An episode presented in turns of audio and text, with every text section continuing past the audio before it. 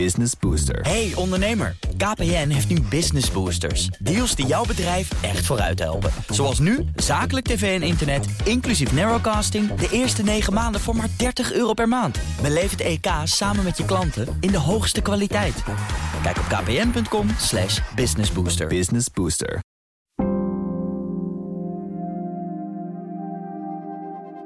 Ik wil gewoon nu, binnen nu en anderhalf jaar miljonair worden.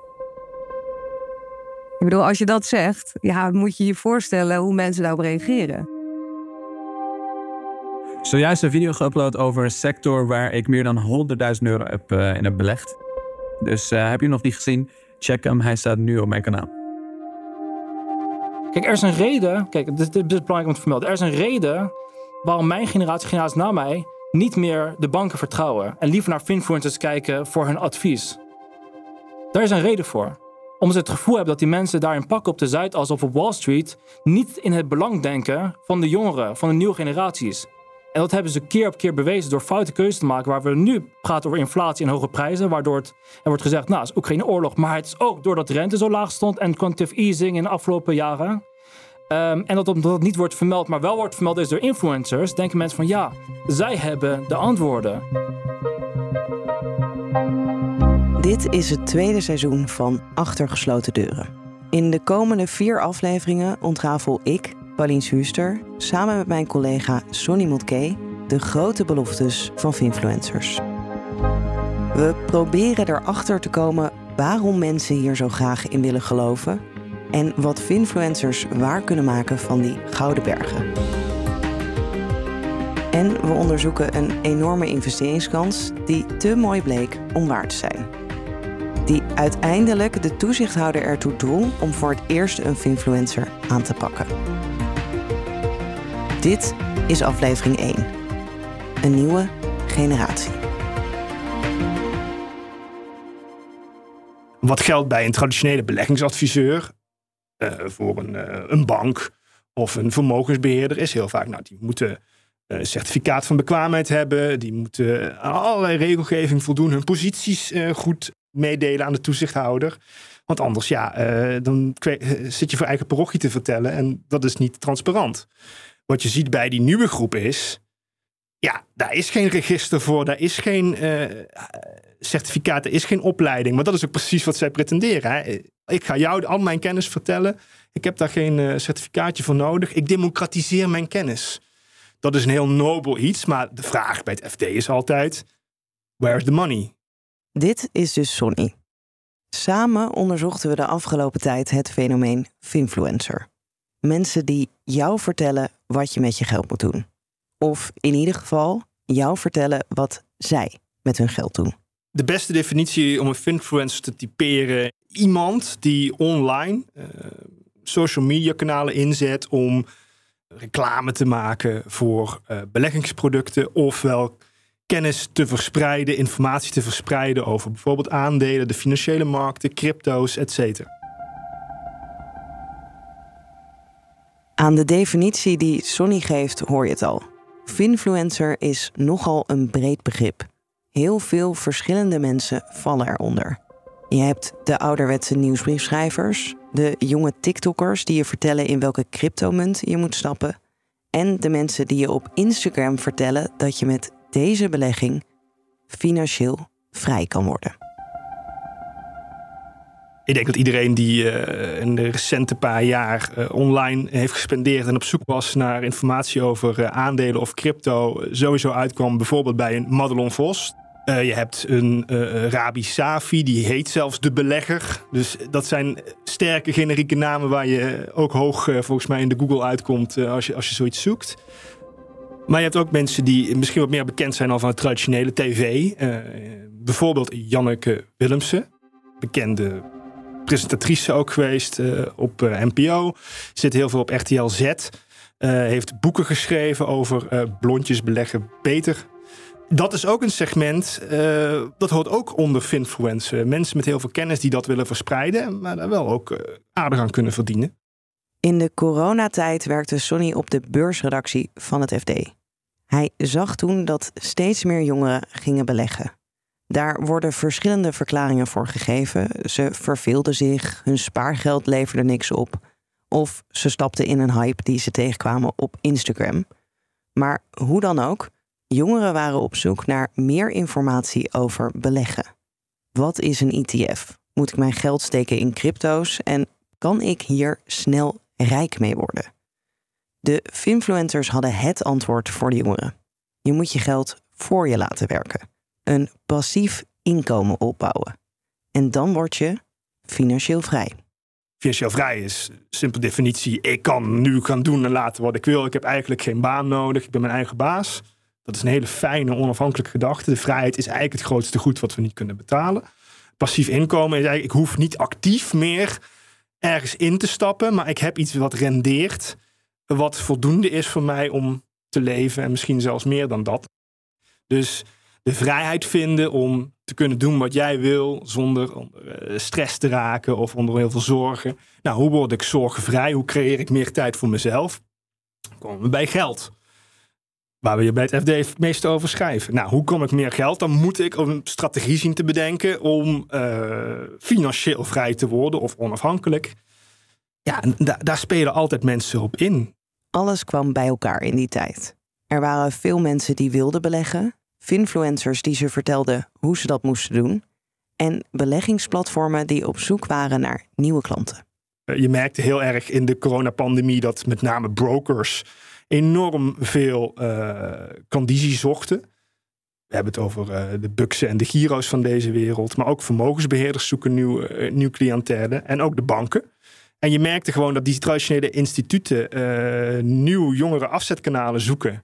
En dat doen ze door finfluencers in te huren. Dus om reclame te maken of heel vaak een linkje te zetten op hun website.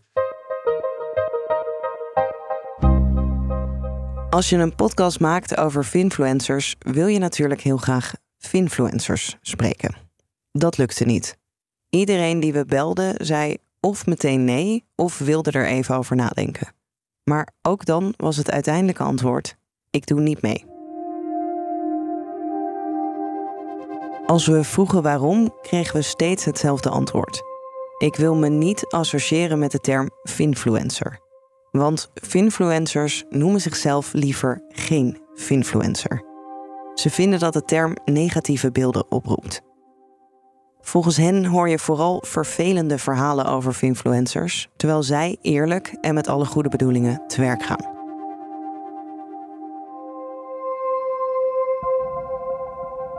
Zo kwamen we uit bij Miet Kurs. Ook hij wil zichzelf geen finfluencer noemen, maar ondernemer. Maar Miet staat wel midden in die wereld en kent veel influencers. Hij heeft een algoritmisch handelsbedrijf in crypto's. En dat bedrijf geeft ook workshops over crypto's met Miet als gezicht. Nou, ik ben gestopt met mijn school. Uiteindelijk kom ik in aanraking met de bitcoin. Ik dacht, nou super, magisch internetmuntjes heeft een bepaalde waarde. Want ik speelde voor games, dus ik snapte de waarde daarvan. En uh, toen realiseerde ik me pas, ook echt van... hey, ik kan mijn geld ook voor mezelf laten werken. Maar ik snap er helemaal niks van. Dus ik ging online zoeken naar allemaal moeilijke termen. En ik dacht bij mezelf van als het voor mij al best wel moeilijk is om dit uit te vogelen, laat staan voor alle andere mensen om me heen. Het is hoe mooi zou het zijn als ik jou kan uitnodigen, samen een bakje koffie drinken, ik help je erover, ik betaal jouw koffie, want de meeste mensen dachten van ja, bitcoin, nee, raar. Um, en zo begeleid ik mensen omdat ik mij realiseer, en dat klinkt, klinkt uh, een beetje zweverig, maar ik realiseer me dat is hetgene wat ik uiteindelijk nalaat aan deze wereld dat ik iemand vooruit heb kunnen helpen hoe die met zijn geld moet omgaan, het stukje financiële educatie, en dat diegene het vervolgens weer kan overbrengen aan zijn kinderen, aan zijn moeder en zijn vader. Dat is voor mij een heel mooi, nobel streven. Het belangrijkste verdienmodel van de finfluencers is volgens Miet affiliate marketing. Dan krijg je als finfluencer betaald als iemand via jou klant wordt van het bedrijf. Meestal werk je samen met platforms. Uh, je hebt ook Nederlandse platforms, uh, vaak over gehad hebben, zoals een, eh, een Bitfavo die uh, zegt, nou ja, goed, we willen groter worden in Nederland. Dan ga je naar, uh, naar, naar nieuwswebsites, naar influencers van, hey, nieuwe exchange. Uh, als je mensen hier naartoe leiden, dan krijg je een bepaalde percentage van de transactiekosten die zij betalen. kun je ook wel goed uit onderhandelen. Um, Wat bedoel je met goed uit onderhandelen? Kan je dat concreet maken of getallen? Nou ja, als het percentage, vast percentage is, affiliate fees, dan is dat 10%. Dan kan het ook bijvoorbeeld als nou, als je een goede following hebt, naar 20 of 30 procent. Ehm, en als je mensen daarheen brengt en die gaan daarop handelen, dan eh, krijg je een gedeelte van de transactiekosten. En eh, nou, wat je volgens kan doen is ehm, nou, wat video's maken om te kijken van ja, hoe moeten mensen daarop handelen. En ehm, ja, dat is Ja. massief geld verdienen.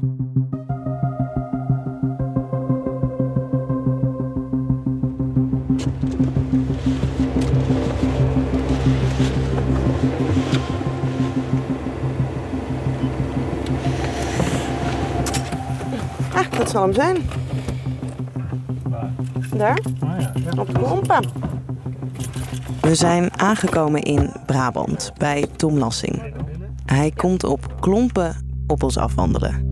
Hallo Paulien, wij hebben met elkaar gebeld. Fijn dat we langs mochten komen.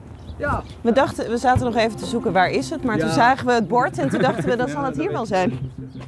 We lopen langs de garage waar hij mensen ontvangt en filmpjes opneemt. Er scharrelen wat kippen over het erf. Door de achterdeur leidt hij ons zijn keuken binnen. Je zou kunnen betogen dat Tom een van de eerste finfluencers van Nederland is. Al in 1993 begon hij een nieuwsbrief over beleggen en vanaf 2000 verschijnt hij dagelijks. En soms krijgt ook Tom betaald door de partijen waar hij over schrijft. Ik heb eh, Gold Money gepromoot. In de beste tijd, dat was rond 2010, 2011, was dat 20.000 euro per maand. En dat is dan, eh, gaat het dan per persoon die je aanbrengt? Nee, nee, het is 20.000 puur, gewoon. eh, bij Gold Money was het van eh, een half procent van de order die werd ingelegd. Die, dat kreeg ik dus. Want Ja. hun hadden 1% aan provisie die je moest betalen. En dan de helft ervan was voor mij. Ja, want kan je vertellen hoe dat eh, nu werkt met dat soort producten en jouw nieuwsbrief? Dus als je ergens over schrijft, dan kan het zijn dat je daar geld voor krijgt. Ja, dat kan zijn, maar dat staat er nog wel altijd bij. Ik schrijf over een partij eh, met hoe dit is opgezet en of ik het er mee eens ben hoe het is opgezet, wat de plussen zijn, wat de minnen zijn. En dan op het moment dat ik zeg, dit vind ik een fantastisch product, dan ik van ja, ik ga hier zelf een rekening openen. Want dat is even het eerste hè, wat voor mij van belang is. Als ik eh, daar zoiets doe, dan, dan open ik daar een rekening. En ja, dan op een gegeven moment is het zo van nou, ik ben het er helemaal mee eens. Als jij daar een rekening opent, dan kan je daar een stukje korting krijgen. En dan krijg ik een stukje vergoeding over het feit dat je daar eh, komt. Ben ik een finfluencer? Ja, misschien wel. Het is niet zo dat ik advies geef om dat te doen. Ik schrijf erover dat je dat kan doen en dat ik het heb beoordeeld. Ik neem dus wel een risico, want als ik het heb beoordeeld en het blijkt dus toch fraude te zijn, dan ben ik natuurlijk wel het haasje, want dan ben ik mijn naam, mijn goede naam kwijt. Ja. Dus vandaar dat ik ook wel degelijk onderzoek doe. Van ja, kan ik hierachter staan? Hè? Hoe is die opbouw? Is het geld wat ze dan pakken, eh, wat hun dan van hun is? En dat ze ermee handelen? Of blijft het geld daadwerkelijk van jouzelf? En ben jij degene als klant die bepaalt wat ermee kan gebeuren? Ontzettend belangrijk, maar dat zie je bij verschillende bedrijven, dat het daar dus vaak misgaat. In die wereld, eh, jij doet het nu al een kwart eeuw. Ja. Eh, de mensen die het destijds deden, net als jij, zijn die er ook nog steeds? Is dit wereldje eigenlijk heel groot waarin jij Nee, het grappige is dat toen ik begon met mijn nieuwsbrief, al die andere nieuwsbrieven die toen begonnen zijn, zijn overgenomen. Alleen ik had niks om over te nemen, want hun hadden allemaal kantoortjes met mensen die daar werkten. En ik deed dat zelf. Dus wat had je bij mij moeten overnemen? Jou? Ja, maar ik ga niet voor een ander werken. dus er was niks over te nemen. Dus ik ben als enige overgebleven van die onafhankelijke nieuwsbrieven die in 2000 be- eh, zijn begonnen. Zo rond na 2000, hè, de Internet 2. Eh, da- daar is niks van over. Van die, Dus de mensen die hetzelfde deden als jij, die doen nu allemaal ander werk? Ja. Of die... Ja, die zijn allemaal verder gegaan. En nu is er een nieuwe generatie gekomen die het op video zet. Nou, ik ben daar ook wel mee begonnen. En ik vind het ook ontzettend leuk om dat te doen. Maar ik ben duidelijk van een andere generatie. En, en dus veel voorzichtiger met wat je aanprijst. En ook echt kijken van ja, is dit wel wat, eh, wat je wil aanprijzen? Is het iets waar een klant ook daadwerkelijk wat mee kan? Maar betekent niet dat ik zeg van je moet niet in crypto's speculeren. Maar je moet wel weten waar je dan aan begint. Maar kom je veel van die nieuwe generatie mensen tegen? Heb je daar wel eens contact mee? Eh, Nou, ik zie ze af en toe natuurlijk bij, eh, als, als er een, een, een beleggersfair is, dan kom ik ze tegen. Maar het is, dat is bijna een andere wereld. Dus nee, eh, die, die vinden mij een, eh, een dinosaurus. Eh, dus eh, nee, dat is niet. eh, en ik, ik moet ook eerlijk zeggen, ik kan die video's ook niet aanzien. Ik, ik, nee, dat, dat trekt me totaal niet. Maar dan ben ik ook van een andere generatie, denk ik. Waarom? Ja, het, het is te hype. Ik word er niet warm van. Daar kijk ik doorheen. Alleen ja, de jongeren blijkbaar niet dan. En ja, nee, dat, dat- en, en misschien weet ik te veel van de beleggingswereld om dan te weten, ja jongens, maar zo, zo werkt dat niet. En er zijn nog steeds producten, 1% per dag rendement. En ja, dan, dan weet ik al 100% zeker dat het onzin is.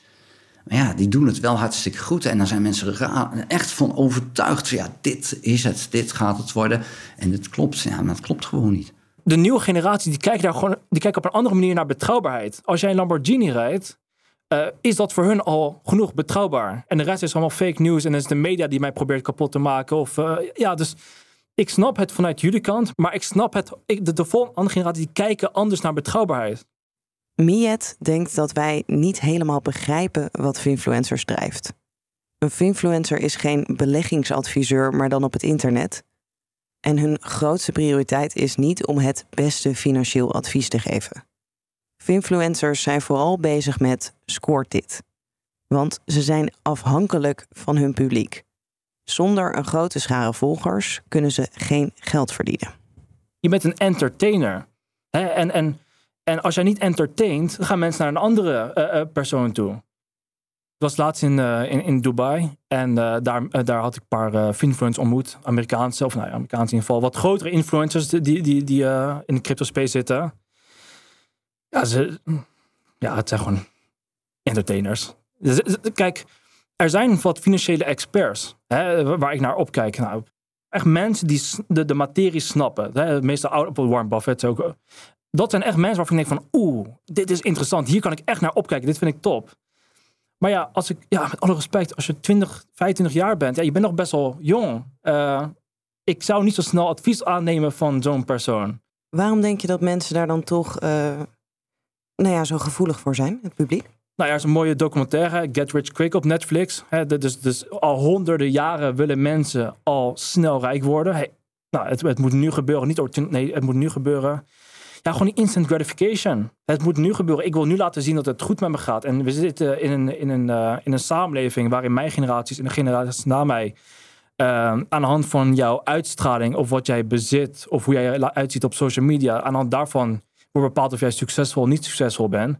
Maar eigenlijk wat ik, wat ik me probeer in te denken van als ik Finfluencer zou zijn, of eh, wat, hoe een Finfluencer werkt en wat zijn bedrijfsmodel is, is dus vooral eh, producten maken, een community. eh, maar zelf handelen is eigenlijk geen onderdeel daarvan. Ze zijn niet zelf actieve beleggers zoals een Warren Buffett, jouw voorbeeld, wel zou zijn. Niet iedereen. Nee, sommige mensen die, die, die, eh, die, die ik ken, die zijn finfluencer en die, eh, ja, die handelen zelf niet.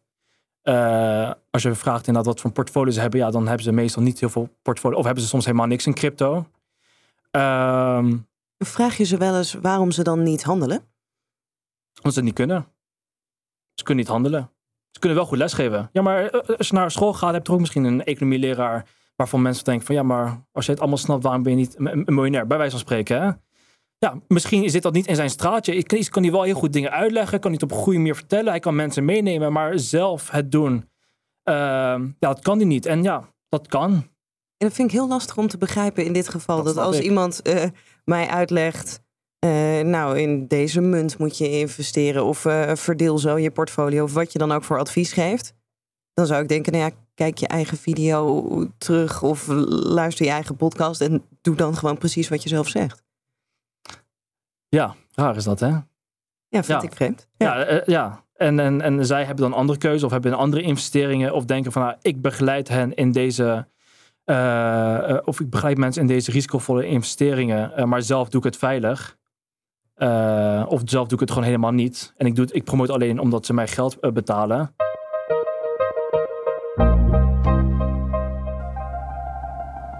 Er verschenen allerlei verhalen in de media over finfluencers die in de fout gingen. Bijvoorbeeld van Tim Hofman, die zich boos maakte over pump-and-dump schemes.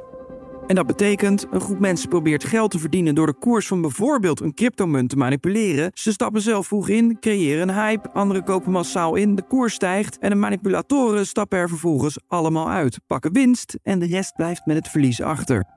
Vanuit de autoriteiten gebeurde er niks. Tot eind vorig jaar. Toen werd voor het eerst een finfluencer aangepakt. Die kreeg een last onder dwangsom opgelegd van de autoriteit Financiële Markten. Deze vrouw promoten, net zoals een aantal andere finfluencers, Ginta Invest. Een bedrijf dat in Nederland actief was zonder vergunning. Ginta Invest is een onderneming die geregistreerd is op de Marshall-eilanden. En in basis een product aanbiedt aan beleggers om in te investeren. Uh, vanaf 10.000 euro instappen. En waar daarmee werd geadverteerd was: uh, we bieden jou een unieke technologie uh, om geld te verdienen. aan de hand van eigenlijk een, een leemte in het systeem. En dat was uh, verschillen tussen uh, wisselkoersen. Dus je kon in valutaparen investeren. Er zijn, nou, de euro-dollar is bijvoorbeeld een verschil. En de koersen zijn altijd verschillend bij verschillende banken. En Grinta adverteerde met: wij hebben een technologie bedacht waardoor we de verschillende koersen die door verschillende banken zijn afgegeven, dat wij met een algoritme heel snel die, die paar verschillen, de goedkopere prijzen kunnen vinden waardoor we sneller kunnen handelen en dus winst kunnen maken. En door zo heel snel mogelijk uh, daarin te handelen, uh, de winst is voor, uh, voor iedereen. En omdat dat elke dag is, koersen worden elke dag afgegeven. En er zijn elke dag een paar kleine verschillen tussen de verschillende instituten. En wij scannen die markt, dan kan het bijna niet misgaan. Klanten kwamen bij Ginta binnen via tussenpersonen, finfluencers. En daarom duiken we verder in dit bedrijf en kijken we naar de rol die finfluencers hebben gespeeld. Daarmee komen we weer terecht bij Tom Lassing, de nieuwsbriefschrijver. Tom is niet alleen een van de eerste finfluencers van Nederland, hij heeft ook geld gestoken in Ginta. Ja, er was een lezer bij mij van mijn nieuwsbrief. Die kwam eigenlijk van: mag ik jou een keertje spreken? Nou, dus gevraagd wat gaat het over? Ja, ja, ik heb iets heel moois en wil ik laten zien. Fantastische rendementen. Nou ja, dan kom maar een keer kijken. Nou, toen kwam hij hier, toen bleek het niet van hem te zijn. Het bleek een bedrijf te zijn die hele goede rendementen had. En nou, kijk maar hier en allemaal overzichten van fantastische rendementen. Dus ik heb gezegd, hoe lang doe je het al? Nou, ik doe het al bijna een jaar. Nou, wat zijn je rendementen? En dat liet je zien. Nou, dat was echt fantastisch. Te mooi om waar te zijn. Bijna. He, zo van, nou, kan dit wel. Maar goed, hij was ervan overtuigd, dit is goed. Dus ik heb, op een gegeven moment had ik zoiets van, oké, ik ga daarover vragen. En ik heb dan wat gevraagd, maar kwam daar niet verder mee. En toen heb ik de overweging gemaakt, wat ik af en toe doe. Ga ik dan proberen aan de binnenkant te komen? Ga ik gewoon klant worden en het dan zien? Nou, dat heb ik besloten bij Ginta. Dus ik ben klant geworden, 10.000 euro gestort, rekening geopend en ik ben daar klant geworden. Honderden beleggers staken, net zoals Tom, hun geld in Ginta. In de volgende aflevering hoor je over de mysterieuze Michael, die bij Ginta aan de touwtjes lijkt te trekken. En hoe het de beleggers in Ginta is vergaan. Soms heb ik dagen dat ik er niet aan denk. Ja, soms heb ik toch weer een dag dat ik denk van, oh ja, ja, ja. Dat is het. Achter gesloten deuren is een podcast van het FD. Dit seizoen werd gemaakt door Yilda Bijboor, Sonny Motke en mij, Paulien Schuster. Muziek en mixage door Gijs Vriese. Dank aan BNN-Vara en Boos voor het aanleveren van audio van hun uitzending. Zoek Achter gesloten deuren even op in je podcast-app. Daar vind je ook ons eerste seizoen over Gerard Sandrink. En vergeet je niet te abonneren dan krijg je automatisch de nieuwe afleveringen van dit seizoen binnen. Business Booster. Hey ondernemer, KPN heeft nu Business Boosters. Deals die jouw bedrijf echt vooruit helpen. Zoals nu, zakelijk tv en internet, inclusief narrowcasting... de eerste 9 maanden voor maar 30 euro per maand. Beleef het EK samen met je klanten in de hoogste kwaliteit. Kijk op kpn.com slash businessbooster. Business Booster.